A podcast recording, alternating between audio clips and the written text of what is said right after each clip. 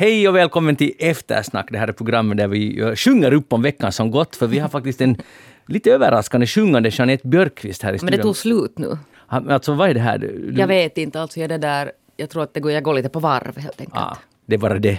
Ja. Och då börjar du att sjunga. ja. Det tar sig alla möjliga konstiga uttryck alltså. Just det. Men det, det är bara gott för programmet. Ja. Eh, har du sjungit i kör någonsin? Mm, I skolkör. Va? På riktigt? Jo, jo. Alltså sådär i högstadiet? Gymnasiet? Nej, nej, i lågstadiet. Nå, ja, jag nå, fick men, vara med. jo, jo, men sen blev du tuffis. Sen blev jag tuffis. Men där det hade nog ingen, det- alltså det fanns ingen skolkör vad jag vet. I högstadiet i Porvo, Borgo. I studion har vi idag filosofen Joel Backström. Har du varit med i talkör någonsin? Eh, ja, jag tror faktiskt det var. Åtminstone hade vi en talkör i Banan. Där det alltid var dikter av Britt G. Hallqvist. Ja, Britt G. Hallqvist. Ja. Och, och så stiger En fram. Ja, där, en fram och så far den tillbaka och så kommer det från någon annan ända av kören ett nytt ljud. Det kallas att dra solo. Ja. Men vad det där är ju jättekult. Det där har jag aldrig Ja, hört ja, om. ja. Men vad har hänt med Vad har talkören? hänt med talkör? Exakt. En fin gammal kulturtradition som antagligen är helt utdöd. Eller inte vet jag. Jo, jag undrar, men jag har inte hört om talkör på jättelänge. Jag vill komma med i en talkör. Det var, var det månne anpassat för att alla inte kunde sjunga? Vad var idén med det? Jag skulle lite misstänka det, ja, att också sådana som jag fick vara med. Ja. Nej, men det är ju en gammal fin finsk tradition att man reciterar alltså. Ja, ja, ja, Kanske visst, nu inte ens bara finsk ja. utan... Är alltså, jo, jo, vi, vi undrar nu att lever den i skolorna än? Hoppas det. Jag heter Magnus Lundén, programmet Eftersnack. Tekniker idag är Jyrki Häyrinen och vi ska tala om veckan som gått. Um, först goda nyheter att eh, som ni minns så ska jag bli ark- inte arkitekt, det skulle också vara ganska nice, men jag ska bli eh, snickare då. Och nu har, nu har det kommit många inlägg, brev till mig, där folk sträcker ut en hjälpande hand. Det behövs. Jo, det behövs. Och det där, här är bland annat, jag bland annat har jag fått erbjudande att komma på kortkurs till Korpo. Och sen har jag fått, nu faktiskt eh, skriver Nina, tror jag att hon hette, eh, skriver, ja Nina, att eh, hennes man var snickare i cirka 20 år och han har nog tid att ställa upp om det skulle behövas hjälp. Och det, och det som är ganska coolt att, att han har en liten verkstad i Fiskars, vilket det skulle ge lite extra gläns över mitt, mitt nya Glans. jobb. Glans, förlåt. Över mitt nya yrkesval. Inte för att det är ett yrkesval, men i alla fall. Så det där... ehm, tror ni att det kommer att behöva den här hjälpen? Ja, det tror jag verkligen att du kommer att behöva. Och det där, jag undrar nu alltså det att har du alls kommit igång? Jag vet att du hade midsommaren, men har du liksom kommit igång på någon nivå? Nej, som sagt, jag har köpt vissa eh, verktyg. Men, att, men här skriver då Nina, eh, det är ganska enkelt att tillverka en stol genom att använda en bandsåg. Det tar bara 15 minuter, men det är, ganska, men det är en ganska liten stol för en Barbie-docka. Passar det?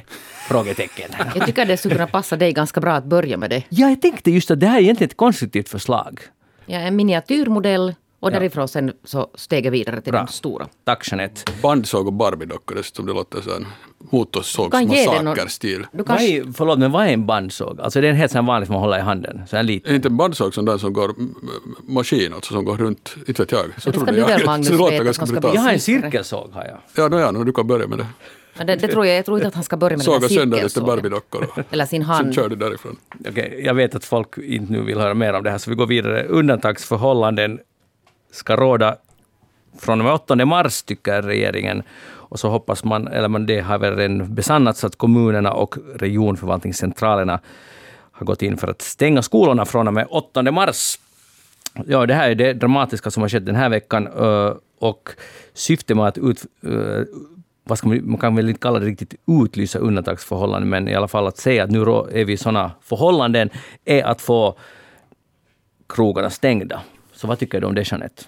Nå, det där, jag vet inte riktigt var man ska börja men jag hade det där då så att jag kopplade upp mig och så följde jag med hela den här presskonferensen igår från början till slut. För jag var ganska spänd inför det här eftersom det hade läckt ut uppgifter om att det skulle bli undantagstillstånd. Det vill säga att man skulle hoppa över den här nivå två och sen skulle man gå direkt till den här undantagstillståndet. Och så satt Ja. så där helt juridiskt tyckte jag att det var en jättespännande spännande grej att, att hur ska de göra? Och så börjar de berätta och berätta. Och nu måste jag påtala att jag är alltså ganska van att läsa juridisk text och förstå mig alltså på så här krångliga juridiska resonemang. Men, men där i något skede så föll jag nog av kärran. att Jag förstod sen inte riktigt mera. Fast Anna-Maja Henriksson nog försökte göra det begripligt efter diverse alltså det där uh, flummighet. Så att, att jag är nog inte riktigt alltså faktiskt nu på det klara med att, att det där, vad var det som hände här. Men det handlar om att man vill rucka på en paragraf i grundlagen, men sen alltså under vilka omständigheter. Och sen talar de om att, att, att man kanske ändå sen måste uh, övergå till undantagstillstånd. Att det är som att vi skulle befinna oss i någon sån här mittemellan någonting nu. Jag tror att det är ungefär rätt. Alltså man utnyttjar väl nog, vad det nu, paragraf 23 i grundlagen och så vidare. Men att vi går inte över till beredskapslagen nu, mm. är det inte så. Men, men eftersom inte vi är juridiska experter så behöver vi inte gå in på detaljerna för vi kommer ändå att säga fel. Men jag håller med dig om mycket där, alltså att det är jättesvårt att förstå vad det är som händer, alltså rent juridiskt. Och det tycker jag att man ska borde bli bättre på att kommunicera. Och vem bestämmer vad? För regeringen kan inte heller bestämma det som de nu så att säga gav sken om att de bestämmer, utan egentligen är det kommunerna som bestämmer det som om att skolan nu stänger och så vidare. I, inte i hela Finland, men i stora delar av Finland. Så att det där, uh, tydlighet igen skulle vara bra. Sen tycks det vara så att SFP har jobbat mot att beredskapslagen skulle tas i bruk nu redan. Så och just för att man ska inte göra det så att säga i onödan och, och inte om det verkligen inte behövs. Så det här en, lyfter jag i alla fall på hatten om det här stämmer. Att det, vilket inte alls låter orimligt, för jag tror att det var så också tidigare. Det där, men skolorna stänger, hobbyerna stänger för över 12-åringar. Lågstadierna får fortsätta hålla öppet i hela landet. Och andra stadiets närundervisning, närundervisning försvinner också, i alla fall under tre veckor. Nå, Joel Backström, vad har du för tankar kring det här? ja, um, no, alltså det är ganska hårda åtgärder förstås, men, uh, men igen, det har vi varit inne på förut. Att, uh, att ingen av oss här är nu förstås ex, total expert på det här, på något av de här delområdena ens, som man borde vara expert på alla för att egentligen kunna bilda sig en riktigt vettig åsikt. Jag är expert på ett område som jag vill återkomma ja, till. No, ja, det är bra. Då kan du uttala det. Låt komma. Um, ja, säg.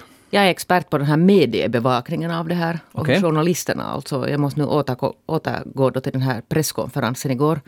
Där det sen alltså erbjöds möjligheter att ställa frågor. Och, och det där, jag måste nog säga att så där överlag när jag har följt med ganska intensivt. Alltså jag följer ju med nyheter och, och rapportering så där överlag också. Att, att nu måste jag säga att, att jag saknar eh, någon form av sån här där man utmanar alltså beslutsfattare. Mm Eh, och myndigheter i de här sakerna. Men det säger jag inte att man, att man, att man inte kan alltså godkänna att, att de gör rätt. Men, men nu skulle det ju vara journalistikens uppgift att inte bara alltså upprepa saker. Och det enda man utmanar är det att, att, han nu, att, att gör ni tillräckligt mycket hårda? Varför har ni inte gjort så här hårda alltså åtgärder tidigare? Att allting leder fram till det att man ska stänga. Och där, där måste jag nog säga att, att journalistkåren kanske inte riktigt har det där uppfyllt det vad jag tycker att man borde göra som, som journalist. Men varför tror du att journalister beter sig på det här sättet? Då? För jag skulle hålla med om att det där är ett jag problem. Jag funderar alltså med en, en klok uh, kollega, vän, så funderar vi på det att kan det vara det att, att om man försöker utmana så är man så rädd att man blir stämplad. Alltså att, att genast om man försöker ifrågasätta så blir man stämplad som någon sån här vaccinhörhö eller någon sån här som tror på fake news. Förstår ni? Att, att man är så livrädd att, att det liksom går direkt till det. Så det är som att det här skulle vara helt svartvitt. Att, att endera är det, är det liksom sant eller så är det inte sant. Ja. Men då måste man ju kunna alltså ifråga. Jag tänker till exempel att, att i, i kvällsnyheten, Halv nias nyheter, som är Finlands största alltså nyhetssändning. Så kväll ut och kväll in är där alltså någon från THL eller någon annan alltså medicinsk expert, alltså hög läkarrepresentant. Och, och, jag, och, det kan hända att kanske jag har missat någon sändning. Men nu skulle jag ju ha tagit in alltså i något skede till exempel någon socialpolitisk expert som skulle kunna fundera kring hur ungdomarna mår som inte får gå i skolan. Förstår ni att, att man inte ger något rum för de här andra konsekvenserna utan det är helt alltså medicinskt styrt allting nu. Jo, det är jättelätt att hålla med. Uh, och när, uh, jag är också förvånad över det och jag tror att den där analysen torde nog stämma. För att jag tror att journalister, som många andra säkert, är livrädda att bli förknippade med... I USA fanns det ju en rörelse att corona är en fake, att det finns ingen sån sjukdom. Nu kommer jag ihåg att det var ju ja. du som sa det här tidigare ja. idag. Jag trodde att jag hade talat med någon annan. Det var den här kloka Magnus ja. Du, du gav till och med något falskt namn. Ja. Nej, jag sa vän, kollega, vän, men jag trodde jag hade talat med en annan också. Det. det är ganska sist att du betraktar mig som en vän också. Det, det uppskattar jag. Tack Jeanette. Men, det, men i alla fall det där... Uh, ja, i USA det finns det här att corona existerar inte. Och så här galenskaper. Så man vill inte på något sätt bli förknippad med det. Uh, och, och, det blir ju jättekonstigt att, att, för att alltid har journalistiken gått, inte säkert alltid, men det måste gå ut på det att oberoende vem som sitter vid makten, oberoende vad det handlar om, så måste man ju, den där kritiska frågorna måste ställas. Det betyder inte att man är tycker som den där frågan liksom antyder. Det är en ganska mm. basic grej. Det har alltid varit grundläggande. Och här läser jag i Hesari två riktigt korta stycken där uh, infektionsylläkare, vad det nu är, överläkare, överläkare Asko Järvinen och sen också en oberoende expert från uh, Helsingfors universitet, Tuomas Aivelo, uttalar sig. De säger att, att uh, det här står alltså i dagens tidning, att att det, är nog sant att i högstadiet så har det funnits jättelite smittofall och, och sådär. Och, och, men det har nu funnits lite men inget allvarligt och så vidare. Men att orsaken till att man nu vill stänga det, enligt de här två killarna, är den att det är så jobbigt med den här eh, smittspårningen, att det finns inte resurser att hålla på. För att om, om, till exempel i en stor skola, någon är där oj, nu har Mikael haft, kanske blivit utsatt för corona. Så måste man ringa runt till så otaliga människor. hur mår ni? Okej, nu måste ni stanna hemma. Och så blir det, det här jobbet blir för omfattande. Så därför är det lättare att stänga skolorna. Och, och det här hittar jag inte på, utan det här säger de här experterna. Så om det, om det, ses, om det är så där så tycker jag att det håller inte. Eh, anställ då, det finns tusentals människor utan jobb i så fall. Eh, och, och, istället för att här tänker man bara, det är ju praktiskt förstås, det är lättare att bara stänga. Men tycker inte det argumentet håller, vad tycker ni? No, där ska jag nu reagera som du. Jag menar sen kan det ju hända att det finns något som, eh, som vi inte vet här om hur besvärligt det på riktigt skulle vara, hur, hur stora resurser det skulle kräva. Men nu, nu låter det här ju helt klart som ett fall där man skulle tycka spontant att ja, sätt mera folk på, på att spåra den här smittan då, istället, eftersom det är en allvarlig åtgärd att stänga skolorna. Och om det inte finns liksom medicinska skäl till det, det är ju det som är poängen här. Då. Ja, som har alltså enorma konsekvenser alltså för ja. ungdomarna. Alltså man ser ju det dyker här och där alltså upp. Så att, att vi talar då på våren och, och tidig höst om de här alltså utsatta. Alltså barn och unga som lever i utsatta förhållanden. Där det kanske inte är så bra med det här distansskolan och allt det här. Men nu är det inte ens mera bara dem, utan det är alltså helt välmående, välfungerande familjer där ungdomarna mår alltså jättedåligt. Mm. Och, och det, det, är det att det kanske inte är så mätbart. Okej, man kan göra en gallup, att hur mår ni? På en skala 0 till 10. Vi mår dåligt. Och så det, det har gjorts. Det har alltså. gjorts. Och det, jag menar, den fakta finns i och för sig redan. Men att det är ännu mer dramatiska fakta att säga att nu var det, det var väl typ rekord idag, att 700 fall. Uh, jag tror att det är rekord, men det är alltid det att det kommer några dagar i, i efterskott och sådär. Men i alla fall, så det är ju det är hårda fakta. Och de, de fakta väger nu tyngre än långsiktiga sådana konsekvenser för, för de som, alltså till exempel just ungdomar. Sen, samtidigt stod det också i Hesar idag att, att man har undersökt i Esbo att uh, hobbyverksamheten, att det finns i princip noll fall av smittspridning där. Och ändå måste det stänga. Och sen, talas det nog, och sen talas det nog jättelite alltså om de här då smittade. Alltså förstår ni den här liksom själva sjukdomen. Att, att det dyker ju upp sen de här hårresande alltså berättelserna av de som har haft alltså helt värsta sortens och sen förstås alltså dödsfall. Men hemskt lite vet vi alltså om det här. Mm. Att, att hur liksom, hurdan sjukdom har man? Att, att det kommer en för ganska länge sedan så har de ju i Finland också sagt att, att dödligheten har ju minskat uh, liksom dödligheten, att när du blir smittad så den här risken för att man ska dö har krympt. Alltså delvis alltså därför för att man vet mera nu än vad man visste för ett år sedan om hur man sköter den här, mm. den här sjukdomen. Och förstår ni, all den infon, var, var är den alltså? Den här stora på något sätt, den här, den här dominerande, alltså alla dessa som har varit smittade, hur mår de och hur gick liksom allt det här? Ja, det där, jag skulle vilja återkomma till det där du, Jeanette, din tes som var det liksom handlar om, eller och som Manu var inne på också, att man äh, Alltså att man vill absolut inte, för, för ingenting i världen så vill man bli associerad med de där galenpannorna som helt förnekar coronas existens eh, eller vad som helst. Jag menar att det, det där är ju en jättebeklaglig och dominerande eh, tendens i hela det offentliga samtalet idag, om alla, med alla laddade frågor, så blir det just på det där sättet.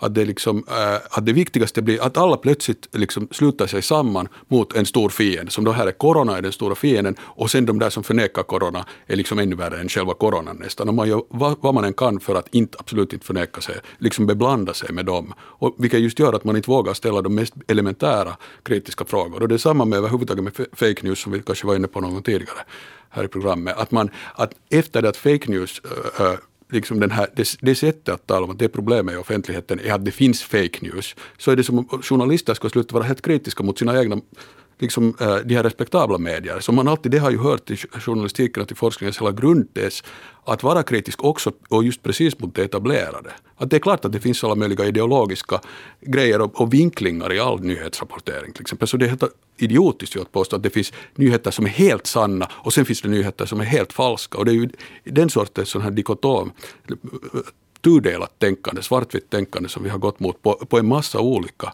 eller på alla laddade ställen i samhällsdebatten. Ja. Och det, är, det är totalt, det är helt idiotiskt och det, det omöjliggör ju allt, allt vettigt tänkande. Om ja, någonting. och liksom en konstruktiv ja. diskussion också. Ja, ja, ja. Och sen är det ju, det är ju i sig ett sorts sånt här smittotänkande. Fast det inte, jag menar så har vi den här riktiga coronavirusen, men att det har jättelänge varit just det där att man inte vill associera sig med till exempel någon som är rasist och som inte alls behöver vara rasist, utan någon påstår någonstans att den där människan sa något rasistiskt. Och sen vill ingen ha något med den att göra. Mm. Den får inte komma och tala något. Hela det här nolltolerans mot som begrepp redan är just det så här, oj om vi rör i henne så då blir vi själva på något sätt besudlade och kanske också blir betraktade som rasister. Så bäst att klippa av den här människan helt. Att det, är en helt och det är också en helt galen reaktion. Istället för att gå och fråga om någon har sagt något rasistiskt. Vänta, hur, hur menar du egentligen och hur tänker du?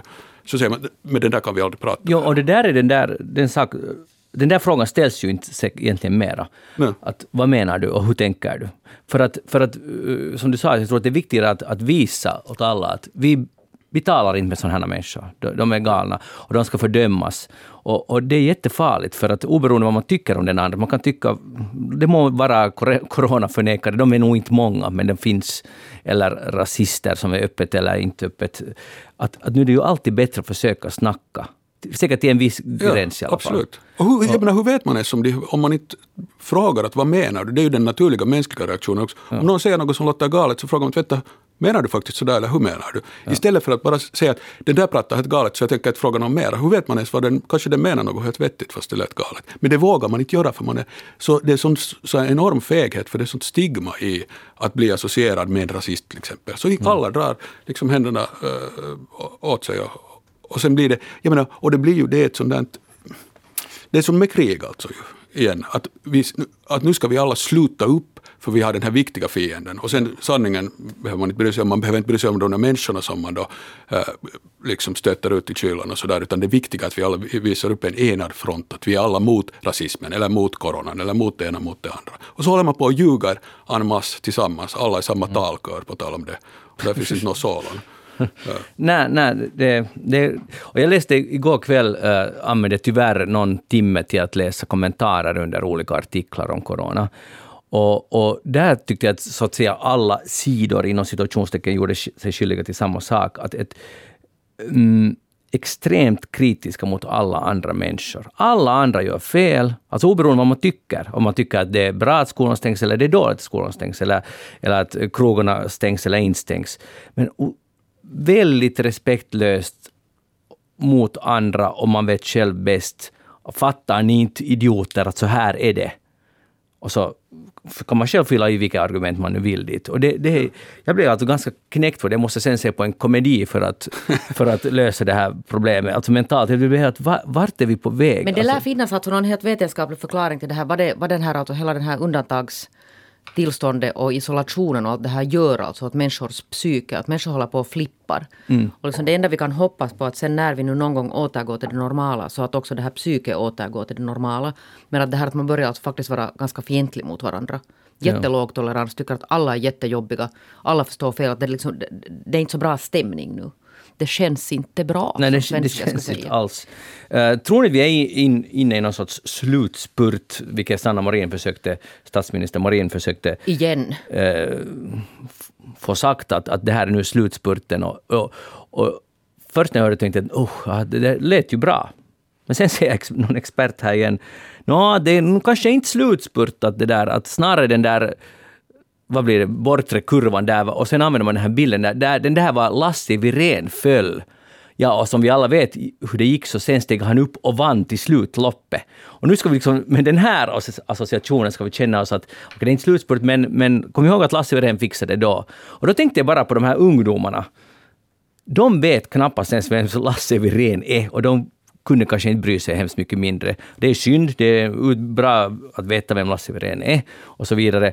Men, men sådana här bilder, alltså jag är glad att man inte dragit in med vinterkrig i alla fall i det här, men, men ändå. Uh, men min fråga var slutspurt. Tror ni att de här tre veckorna, att det, det, det, sen är det så att säga fixat, allt öppnar igen? No, helt säkert inte. Jag, menar. jag tycker att de har sagt det tidigare också, har det varit tal om att nu, liksom, att nu kämpar vi lite till och det har kommit ganska, under ganska lång tid det här. Men ingen vet ju. Nej, och, och det är ingens det, fel. Nej, det är ingens fel. Och så kommer det sen ändå att komma något no, no nytt. Att, att liksom, jag känner inte mig just nu jätteoptimistisk. Nej. Ändå att, att de sa, ministrarna, att de lovade mer eller mindre att efter de här tre veckorna så ska inte ung, de unga mera bestraffas för det här. Och ja, det, det, hoppas jag att ja. det löftet att de håller det. Ja, krogarna stängda tycker jag låter helt... Och det är fascinerande det tog så här lång tid. Att, att man kan, vi vet alla juridiken och vad det så att säga beror på. Men det, man har haft ett års tid att förbereda en lagring som gör att, att, man kan stänga krogar med dekret. Det måste gå att göra. Om man kan stänga eh, hobbyer och skolor så där, så måste man hitta en lösning. Man har haft ett års tid att fundera på saken. Det tycker jag är, en, är nog en svaghet här. Uh, för det har ju skapat den här känslan av, av, av orättvisa. Och det är helt dumt i ett sånt läge att skapa den känslan. Ja, sen har det väl varit alltså, för det är ju liksom, nu tänker vi säkert på, på de här som har tvingats vara hemma. Alltså, men det har ju, olika skolor har ju löst sånt här på, på olika sätt. Att det har ordnat så att man har kunnat ha lite närundervisning ibland också. Mm. Liksom att, att skulle man nu vilja så skulle det säkert ha gått på något sätt att tänka på, på något annat sätt. Sen alltså samtidigt all sympati till skolvärlden. Alltså all min sympati gisses alltså att hålla på med det här, med det här bollande och det här jumpande. Alltså att hoppa från närundervisning till distansundervisning till närundervisning till, till distansundervisning. Tänk, tänk på de här andra stadiets uh, och gymnasiet, nu talar vi om Helsingfors, Esbo, Vanda, men som blev utlovade att skolorna börjar var det nu nästa vecka det skulle börja? Nu kom, nej, det börjar inte, det är tre veckor. Alltså, det man blir nog ganska hopplös säkert i den där situationen. Sen å andra sidan är ungdomen ganska påhittig. Att jag tror att de hittar på sätt att umgås. Uh, och se till att de träffas. Jag ja, och så skriver någon sen i kvällstidningarna om de här jobbiga ungdomarna som liksom samlas någonstans i alla fall fast man inte skulle få träffas. Ja, just det. Precis. Mm. Och, det är det här, och det handlar om det där att mm, ha åsikter om andra, hur de beter ja. sig. Det, och jag läste också, det, folk var ju i Lappland, när södra Finland hade sportlov, så var ju många i Lappland, eller är fortfarande. Jag läste en artikel i Iltasan om att där det, folk liksom inte ville ge intervju med eget namn för att de är så, blir liksom, skammen är så stor. Och det är också ganska otroligt, för man kan ju nog vara i Lappland och bo i sin stuga. Sen eh, åker man längdskidor eller slalom och man kanske inte träffar en enda människa. Men ändå är den där underförstådda skammen att, att det är nog egentligen fel det man har gjort. Folk, folk, vill inte, folk lägger inte ut på Instagram mer. Förut har man varit stolt. Jag, nu har jag man sätter ut lite för mycket kanske på Instagram, men nu sätter man inte ut några hashtags för man vill inte säga var man är. Vad berättar det här om oss? Nu berättar nu bara att vi har tappat, vi har tappat nu alltså förnuft helt enkelt. Ja, kort och gott. Kort och gott. Men, men som sagt den där sortens eh, dyna, social dynamik så finns ju hela tiden. Det, det, det är bara ovanligt mycket nu men nu har det varit i många år redan. I alla de här olika sådana samhällsdebatter som är jättepolariserade så där är det just så att ingen vågar säga. Och man har grym skam om man skulle, om man skulle tänka en skamlig tanke som är då sån tanke som man inte får, får tänka eller göra, göra någonting som man inte mm. får göra. Och, det, och just att det blir ju så här sekteristisk attityd. Att man, liksom, man får inte ha något med de otrogna att göra. Och det är ju helt hemskt, det är helt omänsklig attityd. Uh, och den, menar, man borde göra allt man kan förstås för att inte själv, det, jag menar det enda man kan göra är att inte själv gå in i det och vara medveten om att man kan inte, att inte, inte kan man börja behandla människor som om de skulle vara några paria. Bara för att de kanske tänker lite annorlunda än man själv. Men det finns jättemycket sånt nu. Ja, det kan man ju säga att den här, de här sociala medierna har ju inte på något sätt liksom gynnat den här människors sätt att diskutera med varandra. Nej. Alltså det, är jätte, det finns jättemånga bra saker och det finns jättemånga dåliga saker med det. Mm. Jag ser nog jättemycket fram emot det att man kan umgås och det inte behöver vara... Folk är inte i panik. Jag hoppas vi kan gå tillbaka till det. Att, att för, för, nu ser till och med förbundskansler Angela Merkel att, att vi kommer att måste leva med corona i många år. Det här kommer bli en standard. Men inte, jag hoppas det inte blir standard det livet vi just nu lever i. Utan det finns det är ytterligare en av många, många sjukdomar som plågar mänskligheten. Att den finns där och vi kan leva med det. Vi har, vi har klarat Ja, men att vi kan leva med den alltså och tappa de här restriktionerna, ja. de här liksom, det, här, det här bollande alltså med samhällen.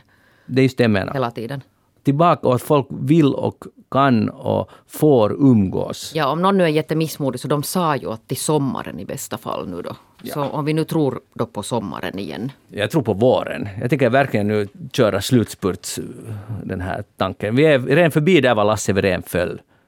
Där, Bra. Ja, mycket närmare målstrecket. Hej, borde kommunalvalet flyttas, eller heter det kommunval nu för tiden? Men i alla fall, vad, vad, vad, det där säger ni? För det flyttades ju faktiskt 2016, som en, många, flera lyssnare påpekade när jag gick ut hårt här för några veckor sedan. Men nu är det det att det flyttades 2016, men det, det lades fram ett förslag över två år tidigare om att vi skulle kunna flytta det, och så flyttar man under liksom, stediga omständigheter flyttar man det framåt, alla var medvetna om det, det röstades igenom och, och så vidare. Nu talar vi om, som jag känner det, ett litet panikbeslut om man nu skulle eh, flytta det fram. Men eller, har jag fel? Vad tycker ni? Inte vet jag, alltså jag tycker det är jättevälordnat i Finland när man går och röstar, så många de inte kan ordna det på ett sånt sätt att det inte är ett smittspridningsproblem att ordna ja. de valen. Det som är jätteviktigt genom är att ordna förstås så att alla som är till exempel i karantän kan rösta, för man får inte berö, liksom beröva någon människa rösträtt bara för att det är allmänna restriktioner och sen kan inte komma åt att rösta, men det går säkert också att ordna på ett vettigt sätt. Att resur, till resurser kräver det. Men. Alltså Finland är ett ganska uppfinningsrikt land eh, och vi har löst kriser massor av gånger tidigare. Det här går att lösa. Jag, jag, jag vägrar tro att man inte kan fixa i varje valställe att här är en karantänkorridor där det bara, man får gå en i taget in dit, flups, flups, in och ut. Det måste gå mm. uh, på riktigt. Att, uh, jag, jag, tycker bara det är ansvarslöst att bolla med demokrati på det här sättet. Uh, val är viktiga. Och, och som jag sa då, så vi ordnade riksdagsval när vi, Finland var inne i Lapplandskriget. Det var liksom halva, eller inte halva, men en tredjedel av landet var uppe i ett krig. Och vi hade ändå riksdagsval. Och okej, röstningsprocenten blev kanske inte så stor, men hög, men i alla fall. Särskilt inte i Lappland. Nej, men det var val. För det var viktigt. Då hade man inte ja. haft val på ganska länge i och för sig. Men. Nåja, uh, vi, slutspurten, vi är redan i slutspurten. Det blir härligt. Jeanette Björkis, vad har du tänkt på den här veckan? Jag läste för någon tid sedan på finska Yle en, en kolumn som jag blev på något sätt sådär lite tröstad av. Uh, Laura Hallamaa heter den här journalisten som skrev en sån här ganska kritisk uh, reflektion om, jag vet inte, alltså det här kanske drabbar er eftersom ni inte är kvinnor, men det har nu under ganska många år så har det, så hade alltså florerat en sån här någon slags liksom ny trend bland kvinnor där man ska boosta självkänslan på, ett, på en massa sätt. Alltså. Det är sådär boosta självkänslan hit och boosta självkänslan. Hur, hur, hur boostar man? Nå vet du sådär till exempel att, att tänk om att sluta vara en snäll flicka och, och vet du, börja tverka vet du, och hitta din inre starka kvinna. Och, och det där, gör det jag vet du, med alla möjliga vet du, spärrar. Och det har liksom utvecklats alltså, det finns en hel business alltså, kläd, klädmärken alltså på något sätt försöker sälja sig så här, köp sån här minimalistiska bikinin och boosta din självkänsla. Mm. Eller det säljs kurser där det är liksom så att gå in i dig själv och hitta vet du, din inre styrka. Och, mm. och det där. Och gå bara du nu och, och, och kräv löneförhöjning. Att sluta vara liksom, att vara en sån här boss lady. Jättemycket sånt här alltså. Så de här sociala medierna fulla, fulla, fulla med såna här kampanjer. Där det är så att hej, att lyft fram starka kvinnor. Och, och det där och, och lyft fram varandra och systerskap. Och, mm. och det där, hon hade nu den här Laura Hallama det där hade en tid, säkert som många andra kvinnor, tyckt att, att, det där, men att det här är ju en helt bra tanke. Att på något sätt sådär att nu ska vi liksom lyfta självkänslan tillsammans här. Tills det börjar gå lite liksom överriks så att säga. Det, här, att, att det, det, har liksom blivit överstyr. överstyr lite för mycket. Och sen hade hon då börjat förkovra sig att vad är den här alltså? Det heter voimaannuttaminen. Som används alltså på finska på ett lite annat sätt. Att på svenska är det här liksom närmast då boosta självkänslan. Men den här att man ska voimaannutta, man ska voimaannutta hit och dit. Och, och börja liksom dansa pole dance så voimaannuttar du dig själv och sånt här. Eh, så hade hon börjat forska i den här, att varifrån kommer det här med att man ska boosta självkänslan. Och det kommer då tydligen från USA på 2010-talet. Så har det handlat om att man ska alltså lyfta sådana här, minoriteter som alltså på riktigt är i utsatt position och på något sätt ge dem liksom plats och, och, och position. Mm. Att, alltså det, det, men sen har det plötsligt runnit över då till att börja handla om sådana sådana här medelklass, ganska välmående människor som, som, liksom, som individer ska börja du tycker liksom. inte om att det här är bra då? Jag tycker alltså på sätt och vis att, att, att det är liksom helt bra men sen när det blir för mycket av det hela och sen när man på något sätt börjar försöka lösa alla problem med det att man ska alltså, att det handlar, handlar helt enkelt om att, att jobba med dig själv och bli bättre. Att jobba med dig själv så vågar du be om löneförhöjning om du liksom är en, en sån här kvinnodominerad bransch med låg lön. Men att, att gå in i dig själv och, och, och sluta vara en snäll flicka. Att, att, då, liksom, då blir det plötsligt så att det är individer som ska börja ta ansvar. För sen är det ju allt det här lyxliret, det här att om man nu liksom dansar dansa poledance eller, eller tverkar eller något sånt här. Så det är ju, det är ju liksom en hobby. Det handlar inte någonting om att, att det där, vet ni, boosta självkänslan. Men att, att man kan ju inte liksom börja ta sådana här, här på riktigt samhälleligt strukturella problem och göra det till någon sån här, sån här kvinnornas interna lilla sommarkampanj. Att nu ska vi liksom att, att gå in i dig själv och, och så blir du av med det här familjevåldet. Att ta dig ur det här våldsamma förhållandet genom att gå in Ja. i dig själv och sluta, bara liksom, sluta liksom undertrycka dig själv. Men det här låter just som en typisk sån där, så att säga, så ny, nyliberal version av det där som det fanns på 60-talet redan. Förstås hela det här att I'm black and I'm proud och så vidare och, och feminismen var full av det också. Just att eh, empowerment kallades det väl då, men då var det ju ett, ett politiskt projekt och ett liksom gemensamt projekt. Och nu är det just att du, varje enskild kvinna ska gå in och hitta sin egen lilla enskilda boss inne i sig själv. Att Det är ju helt ett sånt, liksom, och då kommer det att klara då kommer det att bli boss på firman. Då kommer, det finns inga ifrågasättande av samhälleliga strukturer eller av, av kapitalism till exempel som då på 60-talet var ifrågasatt. Att Det är ju en sån där privatisering av det här som tidigare var ett, det, det liksom, språk som tidigare var, var förknippat med ett politiskt projekt så blir det här något helt som varje individ ska göra. Och så det, det som jag tycker, och det där har ju funnits jättelänge. Jag tycker alltid när man läser damtidningar som jag brukar läsa så ofta jag bara kan så är det ju intressant för de är fyllda, det enda som verkar finnas i dem och det här är under lång tid tycker jag det har varit så, så är sådana här uppmaningar hur kvinnor ska bli bättre på det ena eller det andra sättet och det är alltid också att ja, du förtjänar det nog, men sen eh, vad, vad kommer att hända när du egentligen borde hitta din egen inre boss och hålla på att verka och sådär, så får du dåligt samvete för att du inte har hittat tillräckligt mycket av den. Så det är allt bara, det är hela tiden så här mera och mera krav att det här och det här och det här ska du också göra bet, ännu bättre än Jo, och tidigare. du själv ska du, göra Och det. du är en dålig kvinna om du inte gör det ännu bättre. Ja. Och sen, skriver här just att, att hon till exempel det här att, att älska din kropp. Ja. Så att hon har fått liksom just det här att hon är helt alltså utmattad av det att hon orkar inte gå omkring och vara stark och liksom älska sin kropp varenda jävla dag. ja, Att det, liksom, att det leder inte riktigt de är, just, de är så skenbart positiva och egentligen bara undergräver allt vad självförtroende heter. För att man får bara dåligt, eh, dåligt samvete för att man nu inte har älskat sin kropp tillräckligt. Nu har jag igen gått omkring och inte älskat min kropp tillräckligt. Oj, oj. Ja, men det, het, det- fungerar ju inte och det är ju det som är, tror jag nog egentligen meningen också. Inte de här kampanjerna är inte alls meningen att människor ska få någon bra självkänsla på riktigt, utan det är ju bara ett sätt att få, få folk att just känna ångest och alltså vara sen mera produktiva i, i arbetslivet. Och sen börja konsumera. Är det det alltså som är mer- och agendan? konsumera mera. Är det det som är agendan här? Ja, du ska ständigt vara duktigare och duktigare och mera och mera avundsam, för det är ju förstås vad det här också betyder. Att här har jag min granne som hon älskar min- sin, minsann sin kropp mer än jag, så nu försöker jag bli ännu bättre än hon.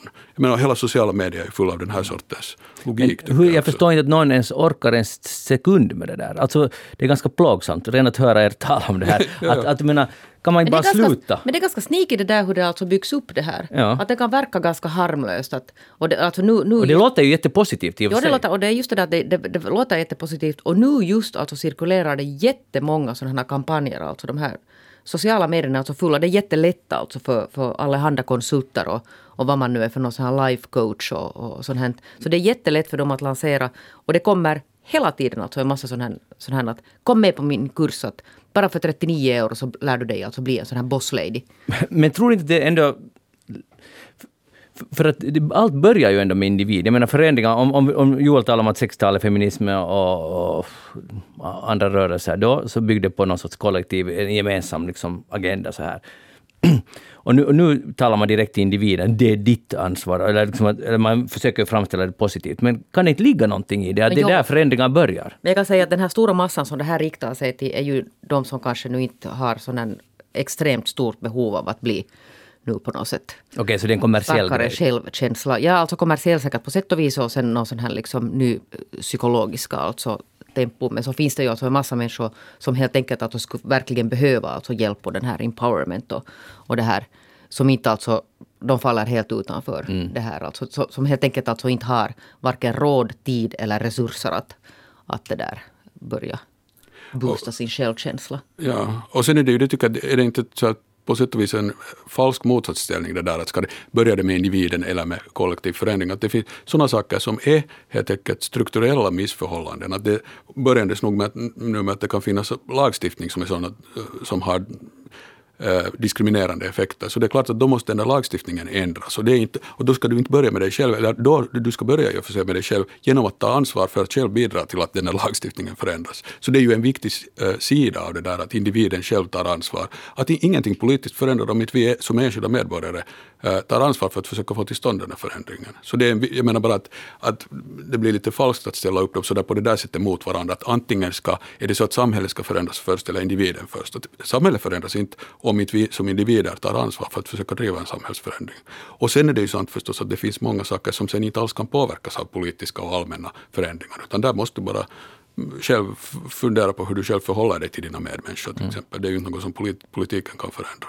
Men ändå om vi försöker, varför är sådana här råd pop? Det finns ju en mottagare, någon som Massor. Ja, och, och, som tror på det eller och som vill, tycker att det där är viktigt, det där är just för mig, det talar till mig. Så det måste finnas ett behov av det här. Alltså någon, folk känner sig svaga eller känner, vill bli starkare. Så, så, Eller sen kanske de trodde att allt var bra tills någon alltså på ett jätte sneaky bra sätt alltså lyckas marknadsföra åt dem att men hej. Mm, att det kanske det inte är bra. Ja. Att kanske du ändå borde utvecklas lite. Men, men nu är det ju sant att, det, att på något sätt så skulle det inte gå, för så där är det ju alltid med all, all form av propaganda, vare sig det är äh, reklam eller politisk propaganda direkt eller vad som helst, att, man, att det måste finnas något i den där människan du riktar dig till, som du kan, någon tråd som du kan hitta i den själv och börja dra i. Att om, om man på riktigt har bra självkänsla, det är kanske ett dåligt begrepp överhuvudtaget, men, men äh, om man inte alls känner sig själv svag och på något sätt skamlig och dålig, så då finns det ingen klangbotten för den där sortens uh, propaganda, vet du, som kan ha just den här positiva klangen. Nu ska du bli bättre, men det är ju förstås för att du, du förstår hur dålig du är annars, hur dålig du är i grunden, så du måste hela tiden bli bättre. Att jag menar bara att du måste själv ju ha någonting känna dig på något sätt dåligt för att det där alls ska gå hem. Tror ni att människor känner sig dåliga? Alltså, är, är, det, är det så? Ja, hur är det? Jag vet jag Nu verkar folk känna sig ganska dåliga överlag, annars så skulle ingenting, ingenting av det här det skulle, skulle finnas. Alltså. Om det inte skulle gå hela tiden, att, väldigt lätt också att hitta en sån där... Det, det är ju det, det är en blandning av att känna sig direkt mindervärdig och sen rädsla för att bli efter i ett sånt här mm konkurrensspel om, om positioner. Så där, nu har alla de där ledande. Det är ju så här, så här skolgårdsmentalitet. Att där är coola gäng, coola flickorna har nu börjat med det där och då vill man också börja med det. Det är ju den sortens, uh, som är verkligen en, en gräslig sorts och tänk den här stressen om man ska vara allt det där som det sägs att man borde vara. Det blir ganska mycket man ska fixa. Att ja, livet blir ganska plågsamt. Och dessutom kan man ju aldrig fixa det, för sen när man har eventuellt fixat det där första så har det redan kommit något nytt som man borde fixa och åtgärda. Hej, vi går vidare. Joel Backson, vad har du tänkt på den här veckan? Uh, jag har tänkt på det där Frans Kafkas Förvandlingen, om ni minns den, ja, novellen. Där den minns vi. Gregor Samsa plötsligt en vacker morgon förvandlas till en skalbagge. Och jag tänkte på det på grund av att jag eh, äh, råkade drabbas av ischias här under, faktiskt ganska lite, kort tid efter att jag senast var i eftersnack. Och den som någon gång haft ryggskott och sen ischias vet hur det först börjar sådär att man inte plötsligt kan helt enkelt komma upp från sängen och inte kan gå utan måste krypa omkring, krypa till toaletten och tillbaka och sådär.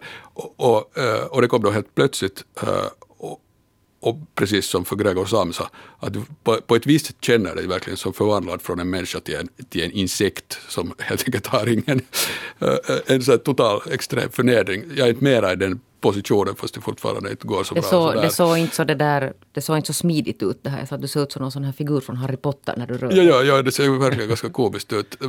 Och det går ju nu förstås att skratta åt det för att jag hoppas att det nu håller på att gå om det nu lite på bättringsvägen.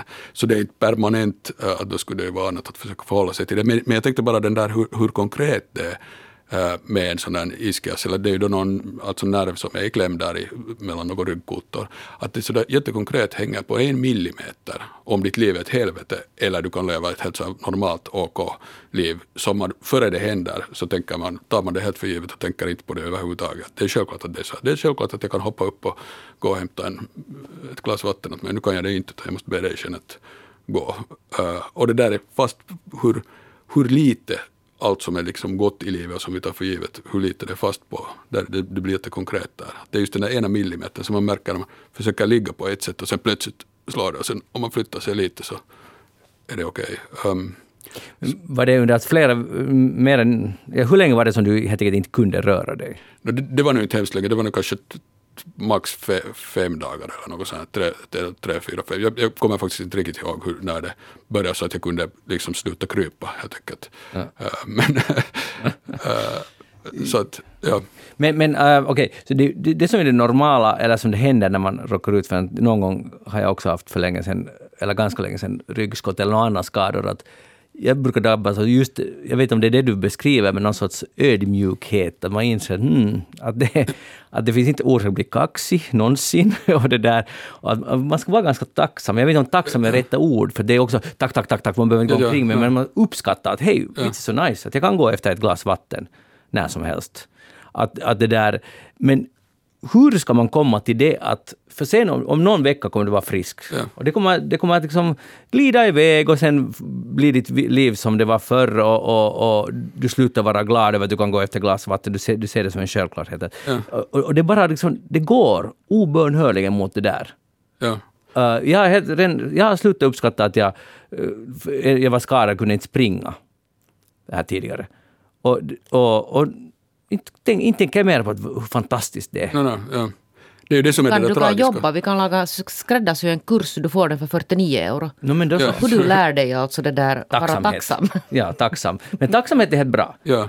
Eller tacksamhet, eller åtminstone att man bara skulle vara liksom helt enkelt, och det kanske det var tacksamhet det här betyder, men att vara glad över att man överhuvudtaget är vid liv och kan röra på sig, till exempel.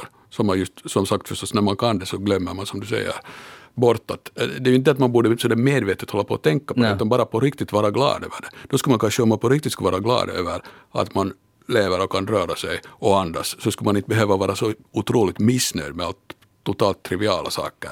Att har man hittat sin inre det ena eller det andra och, och bla bla. Och Eller konkurrens om saker. Och arg på andra som Ja. har farit till Lappland eller något liknande. Att- Jo, nej, det där är helt sant. Uh, uh, kan vi uppnå det som människor? Är det, är det, är det liksom realistiskt? Det- alltså jag menar det finns väl ingen kultur kanske där, man, där det här skulle vara standard eller någonting sånt. Men det finns väl en, enskilda människor som har uppnått det.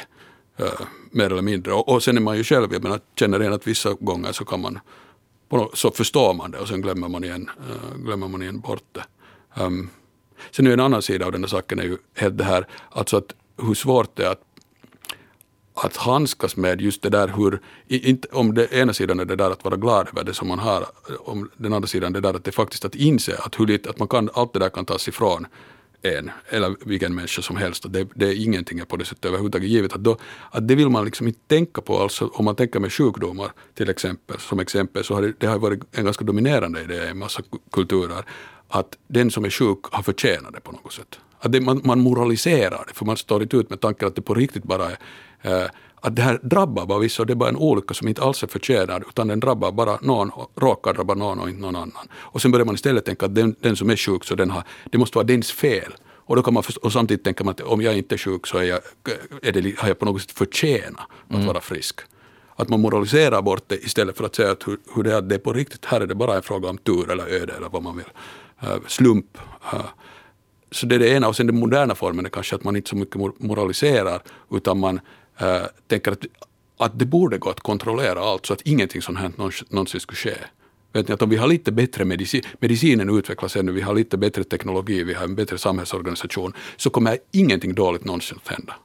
Att det är ju mera den kanske moderna frestelsen igen. Att för, för det är ju förstås inte sant, det kommer alltid att hända hemska saker åt människor, hur bra, hur bra teknologi och medicin och allt möjligt vi än, än har. Men det är igen att man försöker liksom bli av med den där insikten om att det alltid finns en sån grundläggande eh, på något sätt slump och i den meningen, om man vill kalla det orättvisa, eller att det har ingenting med rättvisa eller orättvisa egentligen att göra, vem som drabbas av olycka här i världen. Och så kommer det alltid att vara vad vi än gör åt det. Och det är svårt att ta den tanken. Men Jeanette, har du haft någon sån här stunder av tacksamhet? Eller känner du varje dag att... att, att Nu vet jag nog, jag nu varje dag med det där, mm, jag har träffat tillräckligt många människor som, som har det helt annorlunda så jag är nog sådär ganska nöjd ändå, förnöjd med mitt eget liv. Och sen alltså just sådana akuta sådana, jag har haft också den här alltså ryggskottet och det där. Och, och liksom vissa andra sådär att man har slagit sig, alltså på något sätt liksom råkat ut för något sånt här som tillfälligt sätter en ur spel. Så nu kommer man ihåg, men inte det är ju det är ju helt som du säger, att sen glömmer man bort det.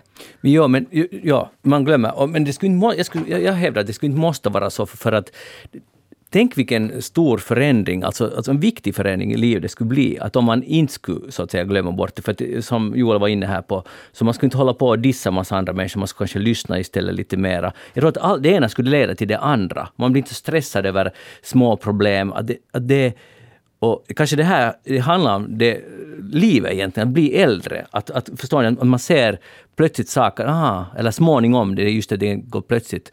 Och så uppnår man nog ett, ett bättre stadium av sig själv.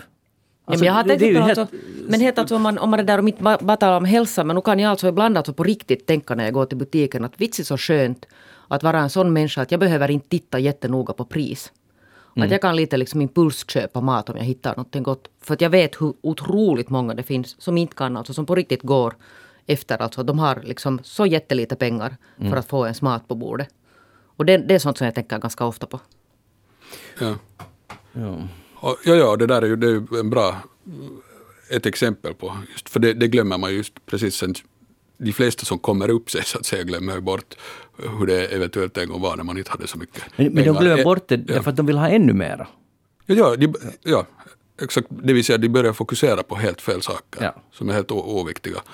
Och, och det är ju det som det här, allt det här handlar om förstås, är ju att man, att man faktiskt att det, är ju helt, det är ju helt galet att fokusera på något sånt som karriär eller pengar. Och, och igen, alla vet ju det här på något plan, det är ju inte liksom någon nyhet för någon. Och ändå så fokuserar alla på just de saker som är helt oviktiga på riktigt. Och vad borde man fokusera på? Bara att försöka leva. Och, jag menar, till exempel att göra karriär och, och samla på sig pengar eller prylar, det är ju ett sätt att dö. Det är ju att bygga ett jävla maus- mausoleum åt sig. Det är ju inte att leva livet på riktigt. Att skulle, skulle det inte vara att försöka vara liksom vid liv här så länge, så länge man nu lever, för sen är det för sent. Men lever du? Verkligen inte alls så mycket, lite nu och då, men Sporadiskt? Och, ja, och nu kommer jag lite att tänka på det igen här. Ja. På grund av att just de här Men kan det vara så att sådana här äh, ryggskott och andra, äh, att de, jag vet att jag kan tänka mig att du inte tycker om det ut- uttrycket, men det har en mening så att säga, att man får saker i perspektiv sen efteråt. Att, att efteråt kan man vara till och med tacksam för det där brutala ryggskottet. Absolut, Glad att det ja, inträffar. Ja. Men det är ju bara det att, inget, att det där just inte sker liksom automatiskt, att sen måste man på något sätt hålla den där insikten vid liv och just Mm. inte glömma bort den, så väl mer att man liksom tränger bort den, för man vill inte sen tänka på det, och man vill tillbaka in i det där ekorrhjulet som man eh, tursamt nog föll man kommer, ganska det där, man kommer ganska långt om man när man rör sig, lyfter lite det där ögonen från den där telefonen och börjar titta omkring sig. För det rör sig alltså, när- när man rör sig ute, som jag hoppas att, att människor gör ändå, eh, så finns det jättemånga alltså människor som man tittar på dem och så kan man förstå alltså att, att, att det finns andra livsöden och andra livsförhållanden. Ja. Och sen kan man, behöver man inte äh, avsluta kvällen med att skriva något negativt mot någon annan. Nej. På en chatt till exempel. Nej, och särskilt man vet alltså, det är jättesällan vi vet alltså på riktigt någonting om andra människors det där är just vi- superviktig poäng. För det är så lätt att man kan tycka att någon, någon beter sig dumt eller gör dumt. Man, man vet inte någonting om deras riktiga realiteter. Vad är liksom egentligen bakgrunden? Hur har det blivit så här? Det, är så, det är alltid så mycket lättare att, att dissa någon. Ja. Alltså det är ju det att vi vet ju ingenting om någonting egentligen. Så det Nej, på no- riktigt. Alltså inte vet man något om sitt eget liv heller. Nej, Men, men alltså, i, i en lite annan mening, men jag, men jag håller fullständigt med om det där, just att man ska verkligen inte gå och uttala sig överhuvudtaget om andra människors liv, för man har ingen koll, inte ens på folk som man tror är ens vänner. Istället borde man bli nyfiken. Ja, exakt. Men jag menar att man har inte, det betyder inte att man själv vet nog helt vad ens eget liv går ut på, för det vet man inte. Om man har den där attityden till andra så betyder det också att man på sätt och vis har den till sig själv också. Man tror förstås just, man intalar sig att man vet precis vem man är och sådär, och man har inte en aning. Istället blir det ju intressant att man borde ju försöka fundera på att varför är jag så arg på andra? Ja. Verkligen. Till exempel, Att jag varför, menar, att varför gör jag det? ja. Och, Om man är arg på andra visar det att man har ingen aning om vem man är själv. Den där själva vreden, det ilskan, visar ju att man vet att det är något helt annat som det handlar om och det projicerar man ut på andra. Så man har alltså ingen aning om vem man själv är när man är arg på andra. Ah, Kan man inte säga alltså, det så? Man köper en sån här kurs i Finn dig själv. Finn dig själv. hej, just det. Ja. Den här kan vi 39 prata om. euro. Eh, Hej, eftersnack skulle kunna arrangera sådana Vi har många kurser. teman ja, som vi Ja. kan. Men, Snickeri och, och sen så här självförbättring. ja. Men vi, vi måste ta lite mera fyrk för det där, för det är så pass stora saker. Nå, vi, ja. För 39 känns lite fattigt. Liksom. Men det är så du sån här på, på nätet, sån här mass, ah. mass-sålt. Du träffar aldrig någon människa. Du bara sitter där på nätet sen och får instruktioner via någon video. Perfekt. Hej, eh, hur gamla bilar har ni? Eller har ni bil? Mm, kanske fem år. Mm, var det nog eh, mycket äldre än eller kanske tio år skulle det vara. Nu, nu kanske jag säger fel, jag kommer inte riktigt ihåg. Den jag faktiskt. kör är, är 17 år gammal. Rullar riktigt bra. Snart körd 430, eh, eller s- körd 430 000 kilometer. Men nu från och med idag så får man ju då byta bil. eh, Det vill säga om man skrotar sin bil så får man, tror jag, en sedel som, man kan, som kan vara värd upp till 2000 euros, mellan 1000 och 2000, för att köpa en ny bil som är utsläppssnål och så vidare. Eller, Och kostar bara 30 000. Ja, precis. Gärna en elbil. Eller, och sen kan man, får man också till och med köpa en elcykel eh, och då får man inte lika mycket stålar och så vidare. Och det här är nu tanken naturligtvis att göra vår luft renare och, mindre utsläpp ut i naturen. Och då infinner sig diskussionen, som är ju nog komplicerad, att vad är bättre att köra en gammal bil i motsats till att det har tillverkats en ny bil med allt vad det innebär med resurser och så vidare. Eh, Det är ju inte så där bara att tillverka en bil. Eller någon här bilbatterier? Ja, och de där batterierna är det väl det största enskilda problemet. Men ö, det är en komplicerad diskussion och jag vet att det finns, man kan bevisa båda två. Men det som är intressant med den här lagen nu är att man får de här pengarna endast om man köper något nytt. Och jag tänkte så här, man får ju inte pengar till exempel att Hej, jag, jag skrotar min bil för jag tänker bli en fotgängare. För jag bor i stan och det, jag behöver verkligen inte den där bilen. Då får man inte ett öre. Ja. Eller om man köper en vanlig cykel som inte går med batterier, ingenting. Det låser Det ingenting. är sjukt. Varför, alltså, vad skulle man förlora på om man bara skulle ge pengar då för att skrota din bil så får du 2000? Och sen får du göra vad du gör med pengarna. På vilket sätt skulle det inte vara mycket vettigare? Jag tror alltså, att det i ett skede var så, men då fick man en mycket mindre summa. Men eh, det, det fanns ju det här eh, under kort period, ett skrota en bil, då fick du typ en 500 Men det finns inte mer vad jag vet i alla fall. Hoppas jag har rätt i det här. Men i alla fall får man inte, enligt den här lagen, man får inte bara, här är 2000 euro för att du skrotar din bil. Din gamla skrutt. Din gamla skruttbil. eh, Varför inte? Alltså, på vilket sätt skulle det, skulle det inte vara uppenbart bättre för miljön då att alla som skrotar sin bil får Att varför ska man privilegiera de som sen köper en ny bil? för att man för vill att- stödja bilhandeln. det förstår jag om det är det Ja. man vill, men man säger ju inte att det är det man Nej, vill nej, göra. man säger att det är miljön. Ja. Men det här menar bara att man blir lite misstänksam att det här är ett starkt incitament är bilhandeln som det går trögt för. Och det är säkert inte lätt att vara bilhandlare eller försäljare just nu, eller biltillverkare. Men det känns lite konstigt. Men har du tänkt... Jag jag vet, Joel, din bil, skulle det vara dags att skrota den nu om du skulle köpa en ny? Om jag skulle köpa en ny, ja, men det, det kan jag inte göra. Den här hålls nog så länge som den fungerar. Alltså jag har det alltså. där, jag har såna att jag kan få såna känslomässiga relationer till, den här, till mina bilar. Jo, det förstår jag. Ja. Ja, ja. Jag tycker verkligen Alltså jag inte tycker skrota. ändå att det är svårt det här för att det där, min man är lite ivrigare än jag att byta upp sig Ja. till, till liksom nyare och bättre då bilar. Ah. Och jag har det där jättesvårt. Och, och jag minns den här första bilen som vår dotter också. Hon har tydligen ärvt mina gener och blev jätteför, liksom på något sätt. Det var en, en del av vår familj, den här bilen. Mm. Så hon gråter ju fortfarande alltså efter den. Hon, man får inte tala om den här Mazdan. Jag förstår henne. Ja, ja, och och det är ju en maskin. Det är lite Ja. konstigt. Men jag har helt samma. Ja men man gör ju saker, alltså man upplever ju saker. Om man till exempel åker på någon rolig sån här semesterresa med sin bil. Ja.